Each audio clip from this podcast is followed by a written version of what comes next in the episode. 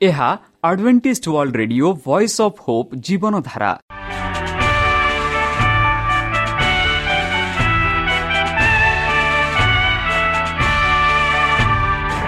Odia radio କାର୍ଯ୍ୟକ୍ରମ ଯାହା ଆମର ଆନ୍ତର୍ଜାତୀୟ ଆଘାତ କେନ୍ଦ୍ରରୁ ପ୍ରସାରଣ କରାଯାଉଛି ପ୍ରତିଦିନ ରାତି ନଅଟା ତିରିଶ ମିନିଟ୍ରେ। ମୁଁ ସୁବ୍ରତ କୁମାର ପତି ପ୍ରେମର ସହ ଆପଣମାନଙ୍କୁ ଏହି କାର୍ଯ୍ୟକ୍ରମକୁ ସ୍ୱାଗତ କରୁଅଛି। ଚାଲନ୍ତୁ ଆଜିର ତିରିଶ ମିନିଟ୍ର କାର୍ଯ୍ୟକ୍ରମ ବିଷୟରେ ଜାଣିନେବା। ପ୍ରଥମେ ରଖିଛୁ ଆଧ୍ୟାତ୍ମିକ ଭକ୍ତିମୟ ଗୀତ।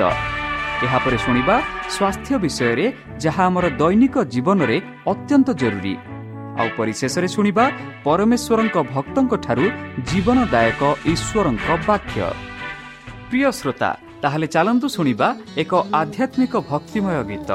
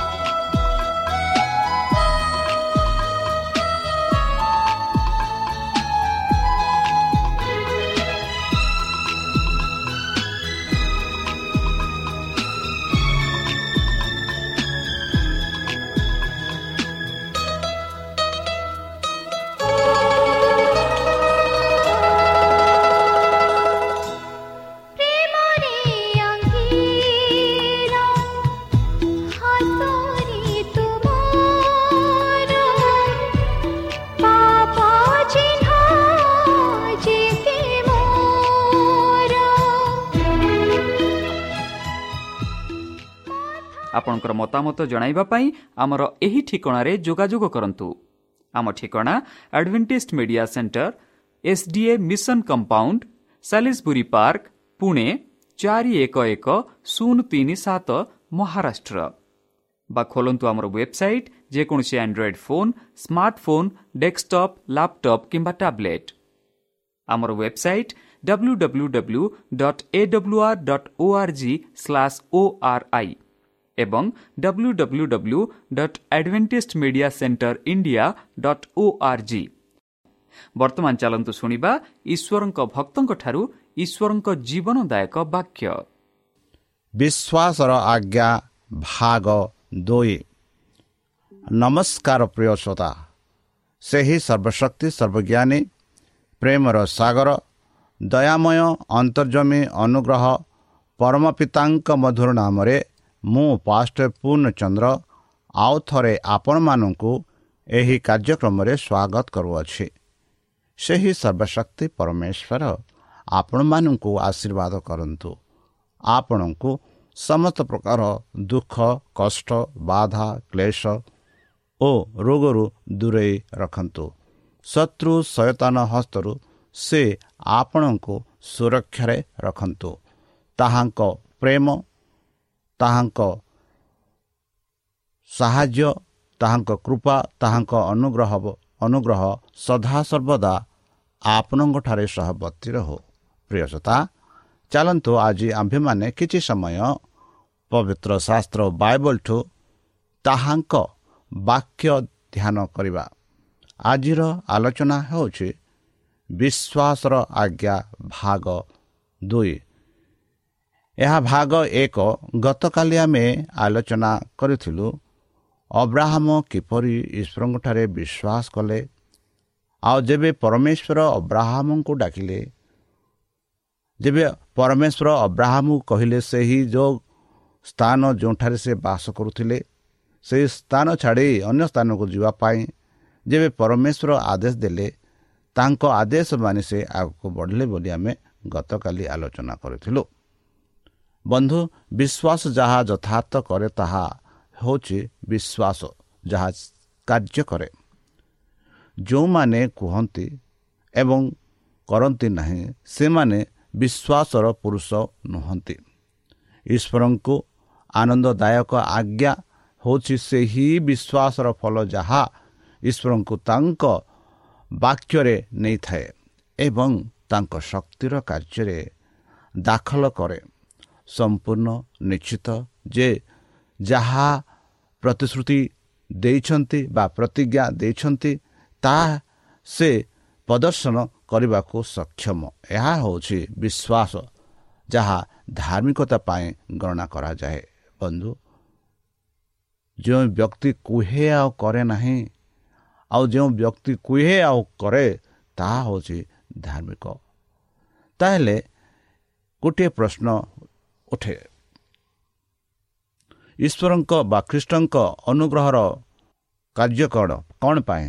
ଯଦି ଆମେ ରୋମିଓ ଏକ ପାଞ୍ଚ ଯଦି ପଢ଼ିବା ଆଉ ଯେଉଁ ବିଜାତିମାନେ ବା ବିଜାତିମାନଙ୍କ ମଧ୍ୟରେ ତୁମମାନେ ଯୀଶୁଖ୍ରୀଷ୍ଟଙ୍କର ଆହ୍ୱାନ ପ୍ରାପ୍ତ ହୋଇଅଛ ବନ୍ଧୁ ବର୍ତ୍ତମାନ ଯେଉଁ ସମାଜରେ ଆମେ ବାସ କରୁଅଛୁ ବର୍ତ୍ତମାନ ଯେଉଁ ପରିବେଶରେ ବାସ କରୁଅଛୁ ଏଇ ଯେ ଏଇ ଯେଉଁ ପରିବେଶରେ ଆମମାନେ ପରମେଶ୍ୱରଙ୍କ ଅନୁଗ୍ରହର ଆବଶ୍ୟକ ପଡ଼ୁଛି। ଆଉ ଏହି କାରଣରୁ ଈଶ୍ୱରଙ୍କ ଆବଶ୍ୟକ ଆମମାନଙ୍କୁ ନିଶ୍ଚିତ ଭାବେ ଆବଶ୍ୟକ ପଡ଼ୁଛି। ଯେହେତୁ ଆମମାନେ ସମସ୍ତେ ବିଜାତି ଆଉ ସେ ବିଜାତି ହେଲେ ହେଁ ପରମେଶ୍ୱର ଆମମାନଙ୍କୁ ଆହ୍ୱାନ କରିଛନ୍ତି ଯେପରି ତାଙ୍କ ଅନୁଗ୍ରହ ଆମେ ପ୍ରାପ୍ତ ହୋଇପାରିବା। ଯେବେ ପ୍ରେରିତମାନେ ତାହା ପ୍ରଚାର କଲେ ଏହାର ପ୍ରଭାବ କ'ଣ ଥିଲା? ଯଦି ଆମେ ପ୍ରେରିତ ଛଅ ସାତରେ ଦେଖିବା ଏଥିଉତ୍ତାରେ ଈଶ୍ୱରଙ୍କ ବାକ୍ୟ ଅଧିକ ବ୍ୟାପିଲା ଏବଂ ଜୁରୁସାଲମରେ ଶିଷ୍ୟମାନଙ୍କ ସଂଖ୍ୟା ଅତିଶୟ ବୃଦ୍ଧି ପାଇବାକୁ ଲାଗିଲା। ଆଉ ଯାଜକମାନଙ୍କ ମଧ୍ୟରେ ଅନେକ ଅନେକ ଲୋକ ବିଶ୍ୱାସ ମାର୍ଗ ଅବଲମ୍ବନ କରିବାକୁ ଲାଗିଲେ। ଦେଖନ୍ତୁ ବନ୍ଧୁ ଯେବେ ଏଇ ଯେଉଁ ଅନୁଗ୍ରହ ପରମେଶ୍ୱରଙ୍କ ବିଷୟରେ ସେଇ ଯେଉଁ ବିଶ୍ୱାସ ବିଷୟରେ ଯେବେ ପ୍ରେରିତମାନେ ପ୍ରଚାର କଲେ ଆମେ ଦେଖୁଅଛୁ ସେହି ପ୍ରେରିତ ଛଅ ସାତରେ କି ଏହା ବ୍ୟାପିଗଲା ମାନେ ଅନେକ ଲୋକ ସେହି ଈଶ୍ୱରଙ୍କ ବାକ୍ୟ ଶୁଣିବାକୁ ଶୁଣିବାକୁ ଆସିଲେ। କେଉଁଠି ଜେରୁସାଲାମରେ ଶିଶୁମାନଙ୍କ ସଂଖ୍ୟା ଅତିଶୟ ବୃଦ୍ଧି ହେଲା ବୋଲି ଆମେ ଦେଖୁଅଛୁ। ଜେରୁସାଲାମରେ ଯେତେ ଲୋକ ପରମେଶ୍ୱରଙ୍କୁ ଖ୍ରୀଷ୍ଟଙ୍କ ଅନୁଗାମୀ ହେଲେ ସେମାନଙ୍କୁ ଶିଷ୍ୟମାନେ ବୋଲି କୁହାଯାଉଥିଲା ସେମାନେ ଅତିଶୟ ବୃଦ୍ଧି ହେବାକୁ ଲାଗିଲା। ଆଉ ସେମାନଙ୍କ ମଧ୍ୟରୁ ମଧ୍ୟ ଅନେକ ଅନେକ ଯାଜକମାନଙ୍କ ମଧ୍ୟରୁ ବିଶ୍ୱାସ କଲେ ବୋଲି ଆମେ ଦେଖୁଅଛୁ। ବନ୍ଧୁ ତାହେଲେ ଆମେ ମନେ ରଖିବାକୁ ହେବ ଯେ ଯେବେ ଈଶ୍ୱର ଏମାନଙ୍କୁ ଆହ୍ୱାନ କରନ୍ତି ଆଉ ସେ ଆହ୍ୱାନକୁ ଆମେ ତାଙ୍କ ଆଜ୍ଞା ମାନି ଚାଲିବା କେତେ ମହତ୍ଵ ଯଦି ଆମେ ଦେଖିବା ପ୍ରଥମ ସାମୁଏଲ ପନ୍ଦର ବାଇଶରେ ସେଠି ଆମେ ଦେଖୁଅଛୁ ତହିଁରେ ସାମୁଏଲ କହିଲେ ଯେପରି ସଦାପ୍ରଭୁ ରବ ଶୁଣିବାରେ ସେପରିକି ହୋମ୍ ଓ ବଳିଦାନରେ ସଦାପ୍ରଭୁଙ୍କର ସନ୍ତୋଷ ହୁଏ। ଦେଖ ଶୁଣିବା ବଳିଦାନ ଠାରୁ ଓ ମନୋଯୋଗୀ ହେବା ମେଷ ଠାରୁ ଉତ୍ତମ। ବନ୍ଧୁ ଇଂରାଜୀରେ କହୁଅଛି better to it is better to obey then sacrifice ବୋଲି ଇଂରାଜୀରେ କୁହାଯାଉଛି। ମାନେ ମାନିବା ହେଉଛି ଉତ୍ତମ। ଆଜ୍ଞା ମାନିବା ହେଉଛି ଉତ୍ତମ। ପ୍ରଶ୍ନ ନ ପଚାରି ପ୍ରଭୁଙ୍କ ଆଜ୍ଞା ମାନିବା ଉତ୍ତମ। ମେଷ ମେଦଠାରୁ ଉତ୍ତମ ବୋଲି ଆମେ ପାଉଅଛୁ। ବନ୍ଧୁ ଯେବେ ପରମେଶ୍ୱର ଅବ୍ରାହ୍ମଙ୍କୁ ଡାକିଲେ ଯେବେ ପରମେଶ୍ୱର ଅବ୍ରାହ୍ମଙ୍କୁ ଆଦେଶ ଦେଲେ କି ତାଙ୍କ ଏକମାତ୍ର ପୁତ୍ର ଯାହାକୁ ସେ ଭଲ ପାଉଥିଲା ପ୍ରେମ କରୁଥିଲା ଯତ୍ନ ନେଉଥିଲା ଯେବେ ପରମେଶ୍ୱର କହିଲେ ତାକୁ ବଳିଦାନ ଦିଅ। ଅବ୍ରାହମ ପରମେଶ୍ୱରକୁ କିଛି ପ୍ରଶ୍ନ ପଚାରିଲେ ନାହିଁ। ବିନା ପ୍ରଶ୍ନ ପଚାରି ବଳିଦାନ ଦେବା ପାଇଁ ତାଙ୍କ ଆଜ୍ଞା ମାନି ଆଗକୁ ବଢ଼ିଲେ। ଏଥି କାରଣରୁ ଆମେ ପାଉଛୁ ସାମୁଏଲ ଏହିପରି କହନ୍ତି ଯେ ତହିଁରେ ସାମୁଏଲ କହିଲେ ଯେପରି ସଦାପ୍ରଭୁଙ୍କ ରବ ଶୁଣିବାରେ ରବ ମାନେ ତାଙ୍କ ବାକ୍ୟ ଶୁଣିବାରେ ଯେପରିକି ହୋମ ବଳିଦାନର ସଦାପ୍ରଭୁଙ୍କ ସନ୍ତୋଷ ହୁଏ। ଯଦି ଆମେ ପରମେଶ୍ୱରଙ୍କର ବାକ୍ୟ ଶୁଣିବା ଆମେ ଯେବେ ହୋମ ବଳି ଦେବା ସେହିପରି ସନ୍ତୋଷ ହୁଏ। ଯଦି ଆମେ ତାଙ୍କ ବାକ୍ୟ ନ ଶୁଣିବା ହୋମ ବୋଲି କିଛି ଲାଭ ନୁହଁ। ତାହେଲେ ଏଇ ଯେଉଁ ଆଜ୍ଞା ମାନିବାର ଉଦାହରଣ କେଉଁଠୁ କେଉଁଠାରେ ପାଉଅଛୁ? ଆମେ ଦେଖୁଛୁ ଯୀଶୁ ଖ୍ରୀଷ୍ଟ ପରମେଶ୍ୱରଙ୍କ ଆଜ୍ଞା ମାନିଥିଲେ। ଆଉ ସେ ପରମେଶ୍ୱରଙ୍କ ଆଜ୍ଞା ଥିଲା କି ମଣିଷମାନଙ୍କୁ ଉଦ୍ଧାର କରିବା ପାଇଁ ମୃତ୍ୟୁବରଣ କରିବା ପାଇଁ। ଆଉ ସେ ମୃତ୍ୟୁବରଣ କରିବା ପାଇଁ ଯୀଶୁ ଖ୍ରୀଷ୍ଟ ଏହି ପୃଥିବୀକୁ ଆସିଥିଲେ। ଯେପରିକି ତାଙ୍କ ମୃତ୍ୟୁ ଦ୍ୱାରା ଏଇ ଯେଉଁ ମାନବ ଜାତି ଯାହା ହରାଇଛନ୍ତି ତାହା ସେମାନେ ପାଇପାରିବେ। ସେହି ଯେଉଁ ଅନନ୍ତ ଜୀବନ ସେହି ଯେଉଁ ଅନୁଗ୍ରହ ସେଇ ଯେ ପ୍ରେମ ଆଉ ସେଇ ଯେଉଁ ଆଜ୍ଞା ଯାହା ସେମାନଙ୍କୁ ଦିଆଯାଇଥିଲା ସେ ଆଜ୍ଞା ସେମାନେ ମାନିପାରିବେ। ଯେପରି ଆମେ ଫିଲିପିଓ ଦୁଇ ଆଠରେ ପାଉଅଛୁ ପୁଣି ମନୁଷ୍ୟ ଭାବରେ ଦେଖାଯାଇ ମୃତ୍ୟୁ ପର୍ଯ୍ୟନ୍ତକୁ କୃଷି ମୃତ୍ୟୁ ପର୍ଯ୍ୟନ୍ତ ଆଜ୍ଞାବହ ହୋଇ ଆପଣଙ୍କୁ ଅବତରଣ କଲେ। ଦେଖନ୍ତୁ ବନ୍ଧୁ ଯୀଶୁ ଖ୍ରୀଷ୍ଟ ସେହି ପରମେଶ୍ୱରଙ୍କ ଆଜ୍ଞା ମାନିଲେ। ଆଉ ଏମିତି ଏ ପରିସ୍ଥିତି ପର୍ଯ୍ୟନ୍ତ ଏତେ ଏ ପରିସ୍ଥିତି ପର୍ଯ୍ୟନ୍ତ ମାନିଲେ ଯେ କି ମୃତ୍ୟୁ ପର୍ଯ୍ୟନ୍ତ କୃଷି ଓ ମୃତ୍ୟୁ ପର୍ଯ୍ୟନ୍ତ ଆଜ୍ଞା ବହ ହେଲେ ବୋଲି ଆମେ ଦେଖୁଅଛୁ। ଯୀଶୁ ଖ୍ରୀଷ୍ଟ ପରମେଶ୍ୱରଙ୍କ ଆଜ୍ଞା ମାନିଲେ ସେହି ଆଜ୍ଞା ଥିଲା କି କୃଷି ବା କୃଷରେ ମୃତ୍ୟୁ ହେବା ପାଇଁ ଆମମାନଙ୍କ ପାଇଁ ମୃତ୍ୟୁ ହେବା ପାଇଁ। ଯେପରିକି ତାଙ୍କ ମୃତ୍ୟୁ ଦ୍ୱାରା ଆମମାନେ ପରିତ୍ରାଣ ପାଇପାରିବା। ତାହେଲେ ଆଜ୍ଞା ମାନିବା। ଆଜ୍ଞା ମାନିବାର ମୂଲ୍ୟ କେତେ? ଆଉ ଆଜ୍ଞା ମାନି ଆମେ କ'ଣ ଶିକ୍ଷା ଲାଭ କରୁଛୁ? ଯେପରିକି ଆମେ ଏଭ୍ରି ପାଞ୍ଚ ଆଠରେ ଦେଖୁଅଛୁ ପୁତ୍ର ହେଲେ ହେଁ ଦୁଃଖ ଭୋଗ ଦ୍ୱାରା ଆଜ୍ଞା ବହତା ଶିକ୍ଷା କଲେ। ବନ୍ଧୁ ଆମେ ଜାଣୁଛୁ ଯୀଶୁଖ୍ରୀଷ୍ଟ ସେହି ପରମେଶ୍ୱରଙ୍କର ପୁତ୍ର। ପୁତ୍ର ହେଲେ ହେଁ ସେ କେବେ ହେଲେ ମନା କରିନାହାନ୍ତି। ମାତ୍ର ସେହି ଯେଉଁ ଆଜ୍ଞା ବହତା ହେବା ପାଇଁ ଦୁଃଖ ଭୋଗ କଲେ। ଆଉ ସେ ଦୁଃଖ ଭୋଗ ଦ୍ୱାରା ହିଁ ଆଜ୍ଞା ବହ ତା ଶିକ୍ଷା କଲେ। ଆଉ ସେଇ ଶିକ୍ଷା ଥିଲା କି ଏଇ ଯେଉଁ ପାପି ମାନବ ପାଇଁ ଏହି ପୃଥିବୀରେ ଯାହା ଶୈତାନର ଅଧୀନ ଅଛି ସେହି ସେହି ଅଧୀନରୁ ସେମାନଙ୍କୁ ମୁକୁଲାଇବା ପାଇଁ ଆଉ ଯେପରି ତାଙ୍କ ମୃତ୍ୟୁ ଦ୍ୱାରା ପରିତ୍ରାଣ ପାଇପାରିବେ ଏଥିଯୋଗୁଁ ଯୀଶୁଖ୍ରୀଷ୍ଟ ଈଶ୍ୱରଙ୍କ ଆଜ୍ଞା ମାନି କୃଷି ମୃତ୍ୟୁ ପର୍ଯ୍ୟନ୍ତ ଯାଇଥିଲେ। ଯେପରିକି ନ ପଦରେ ଆମେ ଦେଖୁଅଛୁ କାହା ପାଇଁ ଯୀଶୁଖ୍ରୀଷ୍ଟ ଏହି ପୃଥିବୀରେ ଏହି ବା ପୃଥିବୀକୁ ଆସି ମରଣ ନେଲେ ବା ମୃତ୍ୟୁ ବରଣ କଲେ ଆମେ ଦେଖୁଅଛୁ। ଦ୍ୱିତୀୟ କରନ୍ତି ଦଶ ପାଞ୍ଚରେ ଆମ୍ଭେମାନେ ତର୍କତୀତ ସବୁ ଐଶ୍ୱରଙ୍କ ଜ୍ଞାନ ବିରୁଦ୍ଧରେ ଉଦ୍ଧିତ ସମସ୍ତ ଉଚ୍ଚ ବିଷୟ ଭବିଷ୍ୟତ କରୁ। ପୁଣି ପ୍ରତ୍ୟେକ କଳ୍ପନାକୁ ଖ୍ରୀଷ୍ଟଙ୍କ ବାଧ୍ୟ ଦେବା ନିମନ୍ତେ ବନ୍ଦୀ କରୁ। ଏହିପରି ଆମେ ପାଉଅଛୁ। ବନ୍ଧୁ ଆମ୍ଭେମାନେ ତର୍କ ବିତର୍କ ସବୁ ଐଶ୍ୱରଙ୍କ ଜ୍ଞାନ ବିରୁଦ୍ଧରେ ଉଦ୍ଧିତ ସମସ୍ତ ଉଚ୍ଚ ବିଷୟ ଭୂମିସାତ କରୁ। ପୁଣି ପ୍ରତ୍ୟେକ କଳ୍ପନାକୁ କୃଷ୍ଣଙ୍କ ବାଧ୍ୟ ଦେବା ନିମନ୍ତେ ବନ୍ଦୀ କରିଥାଉ। ଏହା ଏକ ଆଜ୍ଞା ଏହା ଏକ ଆଜ୍ଞା ଯାହା ଆମେ ମାନିବାର ଅଛି। ଆମେ ଦେଖୁଅଛୁ ମାର୍କ ସାତ ନଅରେ ଆମେ ଦେଖୁଛୁ ସେଠି ପୁଣି ଯୀଶୁ ସେମାନଙ୍କୁ କହିଲେ ତୁମମାନେ ଆପଣା ଆପଣା ପରମ୍ପରାଗତ ରୀତିନୀତି ପାଳନ କରିବା ନିମନ୍ତେ ଈଶ୍ୱରଙ୍କ ଆଜ୍ଞା ବେଶ ଆଗ୍ରହ କରୁଅଛ। ହଁ ବନ୍ଧୁ? ଯେଉଁ ପରମେଶ୍ୱର ମାନଙ୍କୁ ଯେଉଁ ଆଜ୍ଞା ଦେଇଥିଲେ ଯେପରିକି ସେହି ସମୟରେ ସେହି ଫରେସିସ୍ ମାନେ ସଦସ୍ୟସ୍ ମାନେ ଈଶ୍ୱରଙ୍କ ଆଜ୍ଞାକୁ ଏତେ ମହତ୍ଵ ନ ଦେଇ ମଣିଷମାନଙ୍କର ପରମଗତ ପରମଗତ ବା ରୀତିନୀତି ପାଳନ କରିବା ପାଇଁ ସେମାନେ ବହୁତ ଆଗ୍ରହୀ ଥିଲେ।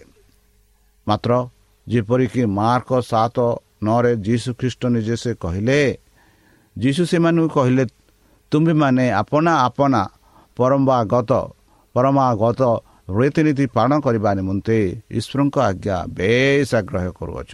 ବନ୍ଧୁ ମନୁଷ୍ୟର ପରମ୍ପରା ଯାହାକି ମନୁଷ୍ୟ ଦ୍ୱାରା କରାଯାଇଅଛି ପରମେଶ୍ୱରଙ୍କ ପରମ୍ପରା ଯାହାକି ପରମ୍ପରା ପରମେଶ୍ୱର କରିଛନ୍ତି ଆଉ ବେଲେ ବେଲେ ମନୁଷ୍ୟର ପରମ୍ପରା ସେହିସବୁ ମଣ୍ଡଳୀକୁ ଆଣି ଆମେ ଚଲାଇଥାଉ ଚଲାଇଥାଉ। ଆଉ ବେଳେ ବେଳେ ସେହି ପରମ୍ପରାକୁ ଆମେ ଈଶ୍ୱରଙ୍କ ଆଜ୍ଞା ମାନିବା ପାଇଁ ଆଗକୁ ଯାଇନଥାଉ ଯେପରିକି ଆମେ ଦେଖୁଅଛୁ ସାଉଳ ମନୁଷ୍ୟର ପରମ୍ପରା ପାଳନ କରି ପରମେଶ୍ୱରଙ୍କ ବିରୁଦ୍ଧରେ ପାପ କରିଥିଲେ। ବନ୍ଧୁ ଦ୍ୱିତୀୟ ଥେସଲନିକ ଏକ ସାତ ଆଠରେ ଆମେ ଦେଖୁଅଛୁ କି ସେତେବେଳେ ତୁମମାନଙ୍କୁ କ୍ଲେଶ ହେଉଥିବା ଲୋକମାନଙ୍କୁ ପ୍ରତିଫଳ ସ୍ୱରୂପେ କ୍ଲେଶ ଦେବା ଓ କ୍ଲେଶ ଭୋଗ କରୁଅଛ ଯେ ତୁମ୍ଭେମାନେ ତୁମମାନଙ୍କ ଆମମାନଙ୍କ ସହିତ ବିଶ୍ରାମ ଦେବା ଏହା ତ ଈଶ୍ୱରଙ୍କ ପକ୍ଷନ୍ଦରେ ନ୍ୟାୟର ବିଷୟ ଯେଉଁମାନେ ଈଶ୍ୱରଙ୍କୁ ଜାଣନ୍ତି ନାହିଁ ଓ ଆମମାନଙ୍କୁ ପ୍ରଭୁ ଯୀଶୁଙ୍କ ସୁସମାଚାର ମାନନ୍ତି ନାହିଁ ସେମାନଙ୍କୁ ସେ ସେତେବେଳେ ଦଣ୍ଡ ଦେବେ ବନ୍ଧୁ ଯେଉଁ ସୁସମାଚାର ଆମେ ପାଉଅଛୁ ସେଇ ସୁସମାଚାର ହେଉଛି କି ଯୀଶୁ ପ୍ରଭୁ ତୁମ ପାଇଁ ମୋ ପାଇଁ ସମସ୍ତଙ୍କ ପାଇଁ କୃଷରେ ହତ ହେଲେ ଜୀବନ ଦାନ ଦେଲେ। ଯେପରିକି ଯେତେ ଲୋକ ତାହାଙ୍କଠାରେ ବିଶ୍ୱାସ କରିବେ ଯେତେ ଲୋକ ତାହାଙ୍କ ଆଜ୍ଞା ମାନିବେ ସେମାନେ ପରିତ୍ରାଣ ପାଇବେ। ଆଉ ଯେଉଁ ଲୋକମାନେ ତାଙ୍କଠାରେ ବିଶ୍ରା ତାଙ୍କଠାରେ ବିଶ୍ୱାସ କରୁନାହାନ୍ତି ତାଙ୍କ ଆଜ୍ଞା ମାନୁନାହାନ୍ତି ନିଶ୍ଚିତ ରୂପେ ସେମାନେ ଦଣ୍ଡିତ ହେବେ। ଯେପରି ଆମେ ପାଉଅଛୁ ଯେତେବେଳେ ଆମେ ବିଶ୍ୱାସରେ ଥାଉ ଆଉ ତା'ର ଈଶ୍ୱରଙ୍କ ଅନୁଗ୍ରହରେ ଥାଉ ତାହେଲେ ଏହାର ପରିମାଣ ପରିମାଣ କ'ଣ ହୁଏ? ଯଦି ଆମେ ଦେଖିବା ପ୍ରଥମ ପିତର ଏକ ବାଇଶରେ ସେଠି ଆମେ ପାଉଅଛୁ ତୁମ୍ଭେମାନେ ସତ୍ୟର ଆଜ୍ଞାବହ ହୋଇ ନିଷ୍ପପତ ଭାତୃପ୍ରେମ ନିମନ୍ତେ ଆପନା ଆପନା ଆତ୍ମାକୁ ସୂଚୀ କରିଥିବାକୁ ଥିବାରୁ ଅନ୍ତର ସହ ଏକା ଭାବେ ପରସ୍ପର ପ୍ରେମ କର ବନ୍ଧୁ। ଆମେ ଭଲ ଭାବରେ ଜାଣୁଅଛୁ ଯଦି ଆମେ ପରସ୍ପର ପ୍ରେମ କରିବା ସେତେବେଳେ ସେହି ପ୍ରେମ ଯଦି ଆତ୍ମତୁଲ୍ୟ ପ୍ରେମ ଥିବ ତାହେଲେ ସେତେବେଳେ ଆମ ଆମମାନଙ୍କ ମନରେ କିଛି ସେମାନଙ୍କ ବିରୁଦ୍ଧରେ କିଛି ମନ୍ଦ ନଥାଏ। ଏଥିଯୋଗୁଁ ପିତର କହନ୍ତି ତୁମ୍ଭେମାନେ ସତ୍ୟର ଆଜ୍ଞା ବହ ହୁଅ। ହୋଇ ନିଷ୍କପଟ ଭାତୃପ୍ରେମ ନିମନ୍ତେ ଆପଣା ଆପଣା ଆତ୍ମାକୁ ସୂଚୀ କର ବୋଲି କହୁଛନ୍ତି। ସୂଚୀ ମାନେ ସଫା କର। ଯେବେ ଆମେ ସଫା କରିବା ଯେବେ ଆମର ଆତ୍ମା ସୂଚୀ ହେବ ତେବେ ଆମେ ଯେବେ ପରସ୍ପରକୁ ପ୍ରେମ କରିବୁ ସେତେବେଳେ ଆମମାନଙ୍କ ମନରେ ସେମାନଙ୍କ ବିଷୟରେ କିଛି ମନ୍ଦ ନଥାଏ। ଆତ୍ମାତୁଲ୍ୟ ପ୍ରେମ କରିବା ଆତ୍ମାତୁଲ୍ୟ ଈଶ୍ୱରଙ୍କ ଆଜ୍ଞା ମାନିବା ଯେପରିକି ଅବ୍ରାହମ ପରମେଶ୍ୱରକୁ କେବେ ପ୍ରଶ୍ନ କଲେ ନାହିଁ ଯେବେ ପରମେଶ୍ୱର ତାହାଙ୍କୁ ତାହାଙ୍କ ନିଜ କୁଟୁମ୍ବ ନିଜ ଜାତି ନିଜ ଗୋଷ୍ଠୀ ନିଜ ଦେଶ ନିଜ ପରମ୍ପରା ଛାଡ଼ିବାକୁ କହିଲେ ଆଉ କହିଲେ ତୁମେ ସେହି ଯେଉଁ ଗାଁରେ ଅଛ ତୁମେ ଯେଉଁ ଗୋଷ୍ଠୀର ଅଛ ତୁମେ ଯେଉଁ କୁଟୁମ୍ବର ଅଛ ସେଇ ସ୍ଥାନ ଛାଡ଼ି ତୁମେ ଅନ୍ୟ ସ୍ଥାନକୁ ଯାଅ ଯେଉଁ ସ୍ଥାନକୁ ମୁଁ କହୁଅଛି। ଆଉ ଯେବେ ଅବ୍ରାହମ ପରମେଶ୍ୱରଙ୍କ କଥା ମାନି ସେହି ସ୍ଥାନକୁ ଗଲେ ଆଉ ଯେବେ ପରମେଶ୍ୱର ତାଙ୍କୁ ଆଶୀର୍ବାଦ କଲେ ପୁତ୍ର ଦାନ କଲେ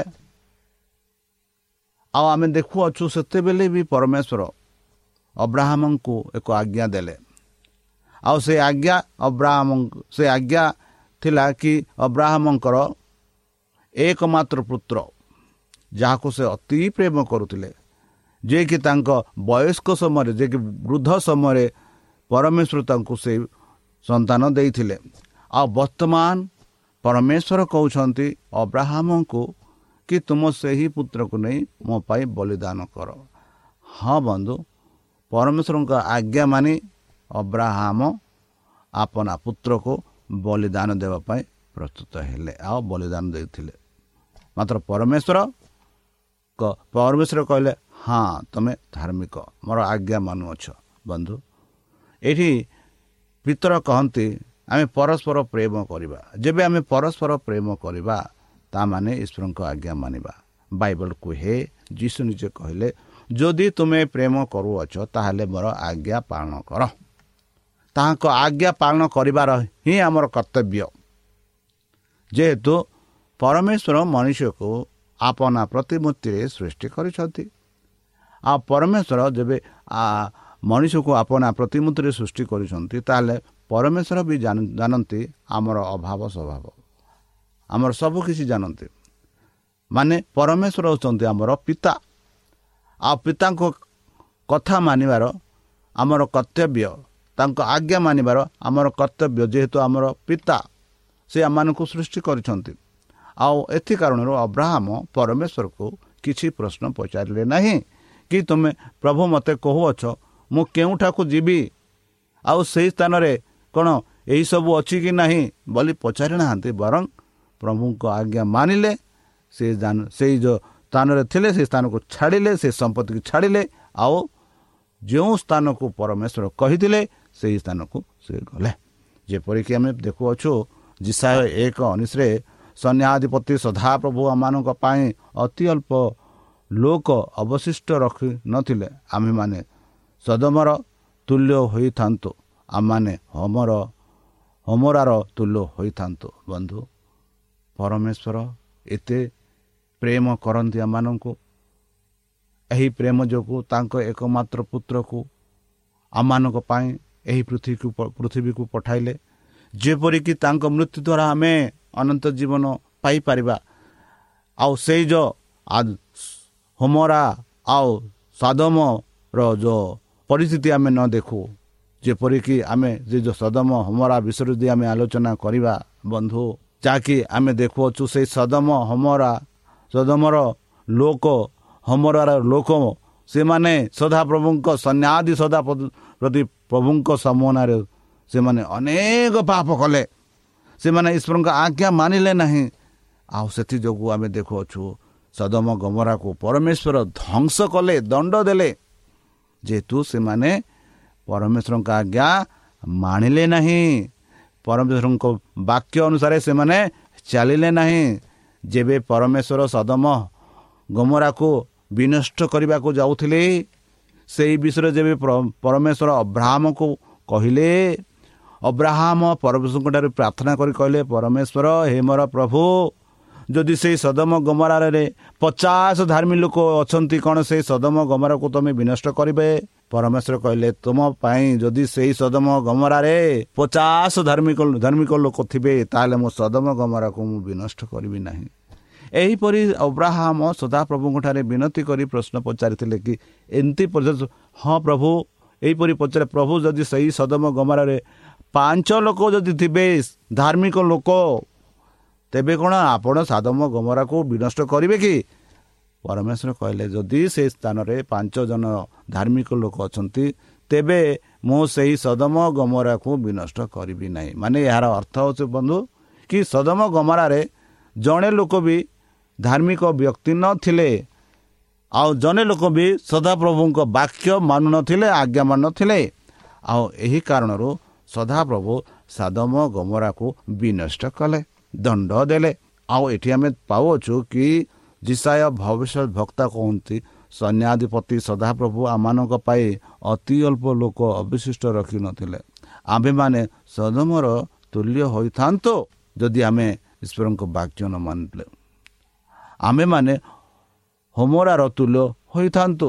ବନ୍ଧୁ ବର୍ତ୍ତମାନ ଯେଉଁ ପରିସ୍ଥିତିରେ ଆମେ ବାସ କରୁଅଛୁ ଯେଉଁ ଦୁନିଆରେ ଆମେ ବାସ କରୁଅଛୁ ବର୍ତ୍ତମାନ ସେଇ ଦୁନିଆ ସଦମ ଗମରା ପରି ତୁଲ୍ୟ ଆଉ ପରମେଶ୍ୱର ସେହି ସଦମ ଗମରାରୁ ଆମମାନଙ୍କୁ ବାହାର କରିନେବା ପାଇଁ ଇଚ୍ଛୁକ। ଆଉ ସେଇ ଇଚ୍ଛୁକ ଦ୍ୱାରା ପରମେଶ୍ୱର ଆପଣା ଏକମାତ୍ର ପୁତ୍ର ଯୀଶୁଖ୍ରୀଷ୍ଟଙ୍କୁ ପଠାଇଲେ। ଯେପରି ତାଙ୍କ ମୃତ୍ୟୁ ଦ୍ୱାରା ଆମେ ଅନନ୍ତ ଜୀବନ ପ୍ରାପ୍ତ ହୋଇପାରିବା। ତାହେଲେ ବନ୍ଧୁ କ'ଣ ସେହି ସଦାପ୍ରଭୁଙ୍କ ଆଜ୍ଞା ମାନିବା ପାଇଁ ଆପଣମାନେ ଇଚ୍ଛୁକ କି? ଯେପରି ଅବ୍ରାହ୍ମ କଲେ ଯେପରି ଯୀଶୁଖ୍ରୀଷ୍ଟ କଲେ ଯୀଶୁଖ୍ରୀଷ୍ଟ ସେହି ସଦାପ୍ରଭୁଙ୍କ ଆଜ୍ଞା ବହ କଲେ ଅବ୍ରାହ୍ମ ସେହି ପ୍ରଭୁଙ୍କ ଆଜ୍ଞା ବହ କଲେ କ'ଣ ଆପଣମାନେ ସେହି ସଦାପ୍ରଭୁଙ୍କ ଆଜ୍ଞା ବହ କରିବା ପାଇଁ ଇଚ୍ଛା କରୁଛନ୍ତି କି?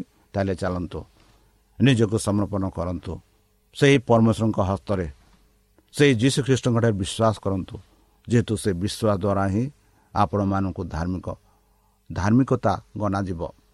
ତାହେଲେ ବନ୍ଧୁ ଚାଲନ୍ତୁ ଆପଣ ଆପଣ ପରିବାରକୁ ସେହି ସନ୍ନ୍ୟାଦି ସଦାପ୍ରଭୁଙ୍କ ସମ୍ମୁଖରେ ସମର୍ପିତ କର। ଯେପରି ସେହି ସଦାପ୍ରଭୁ ପରମେଶ୍ୱର ଆପଣମାନଙ୍କୁ ଯେବେ ସେ ଆସିବେ ସେ ସ୍ୱର୍ଗ ରାଜ୍ୟରେ ସ୍ଥାନ ଦେଇପାରିବ। ତାହେଲେ ଚାଲନ୍ତୁ ନିଜକୁ ସମର୍ପଣ କରି ତାହାଙ୍କ ମଧୁର ନାମରେ ଆମେ ପ୍ରାର୍ଥନା ଉତ୍ସର୍ଗ କରିବା। ହେ ଆମ୍ଭମାନଙ୍କ ସର୍ବଶକ୍ତି ସର୍ବଜ୍ଞାନୀ ପ୍ରେମର ସାଗର ଦୟାମୟ ଅନ୍ତର୍ଜମୀ ଅନୁଗ୍ରହ ପରମ ପିତା। ଧନ୍ୟବାଦ ଅର୍ପଣ କରୁଛୁ ପ୍ରଭୁ। ବର୍ତ୍ତମାନ ଯେଉଁ ବାକ୍ୟ ତୁମ ଭକ୍ତମାନଙ୍କୁ ଶୁଣେଇଲେ ସେହି ବାକ୍ୟ ଅନୁସାରେ ଆମମାନଙ୍କୁ ଚାଲିବା ପାଇଁ ଆଶୀର୍ବାଦ କର। ବିଶେଷ ଭାବରେ ଯେପରିକି ତୁମ ଆଜ୍ଞା ମାନିବୁ ତୁମକୁ ପ୍ରେମ କରିବୁ ତୁମ ବାକ୍ୟରେ ବିଶ୍ୱାସ କରିବୁ ସେଥିପାଇଁ ଆମମାନଙ୍କୁ ପବିତ୍ର ଆତ୍ମା ଦ୍ୱାରା ପରିଚାଳନା କର। ଆମ ପାପ ସବୁ ତୁମ ସେହି ବହୁମୂଲ୍ୟ ରକ୍ତରେ ପରିଷ୍କାର ରୂପେ ଧୋଇଦିଅ ଆଉ ପରିଶେଷ ଯେବେ ତୁମେ ତୁମ ସେହି ସହସ୍ର ଦୂତଙ୍କ ସହ ଆସିବେ ଆପଣ ସାଧୁମାନଙ୍କୁ ସଂଗ୍ରହ କରିବା ନିମନ୍ତେ ସେତେବେଳେ ଆମମାନଙ୍କୁ ଏକ ବାସସ୍ଥାନ ଦିଅ ବୋଲି ତ୍ରାଣକର୍ତ୍ତା ପ୍ରଭୁ ଯୀଶୁଙ୍କ ମଧୁରମୟ ନାମରେ ଏହି ଛୋଟ ବିକ୍ଷମା ଅଛି ଶୁଣି ଗ୍ରହଣ କର। ଆମେନ୍। ପ୍ରିୟ ଶ୍ରୋତା ଆମେ ଆଶା କରୁଛୁ ଯେ ଆମର କାର୍ଯ୍ୟକ୍ରମ ଆପଣମାନଙ୍କୁ ପସନ୍ଦ ଲାଗୁଥିବ। ଆପଣଙ୍କର ମତାମତ ଜଣାଇବା ପାଇଁ ଆମର ଏହି ଠିକଣାରେ ଯୋଗାଯୋଗ କରନ୍ତୁ। আম ঠিকনা advantage media centre SDA mission compound সাি park Pune চারি এক এক শূন্য তিন সাত মহারাষ্ট্র বা খোলতু আমার ওয়েবসাইট যেকোন android phone smartphone desktop laptop কিংবা ট্যাবলেট আমার website W W W dot A W R dot O R G slash O R I ଏବଂ W W W dot adventist media centre India dot O R G adventist media centre ଇଣ୍ଡିଆର spelling ହେଉଛି A D V E N T I S T M E D I A C E N T R E I N D I A ଅଥବା download କରନ୍ତୁ ଆମର mobile app ଆପଣଙ୍କର mobile play ଷ୍ଟୋରକୁ ଯାଆନ୍ତୁ ଆଉ type କରନ୍ତୁ the voice of Hope ଆଉ download କରନ୍ତୁ। ଈଶ୍ୱର ଆପଣଙ୍କୁ ଆଶୀର୍ବାଦ କରନ୍ତୁ ଧନ୍ୟବାଦ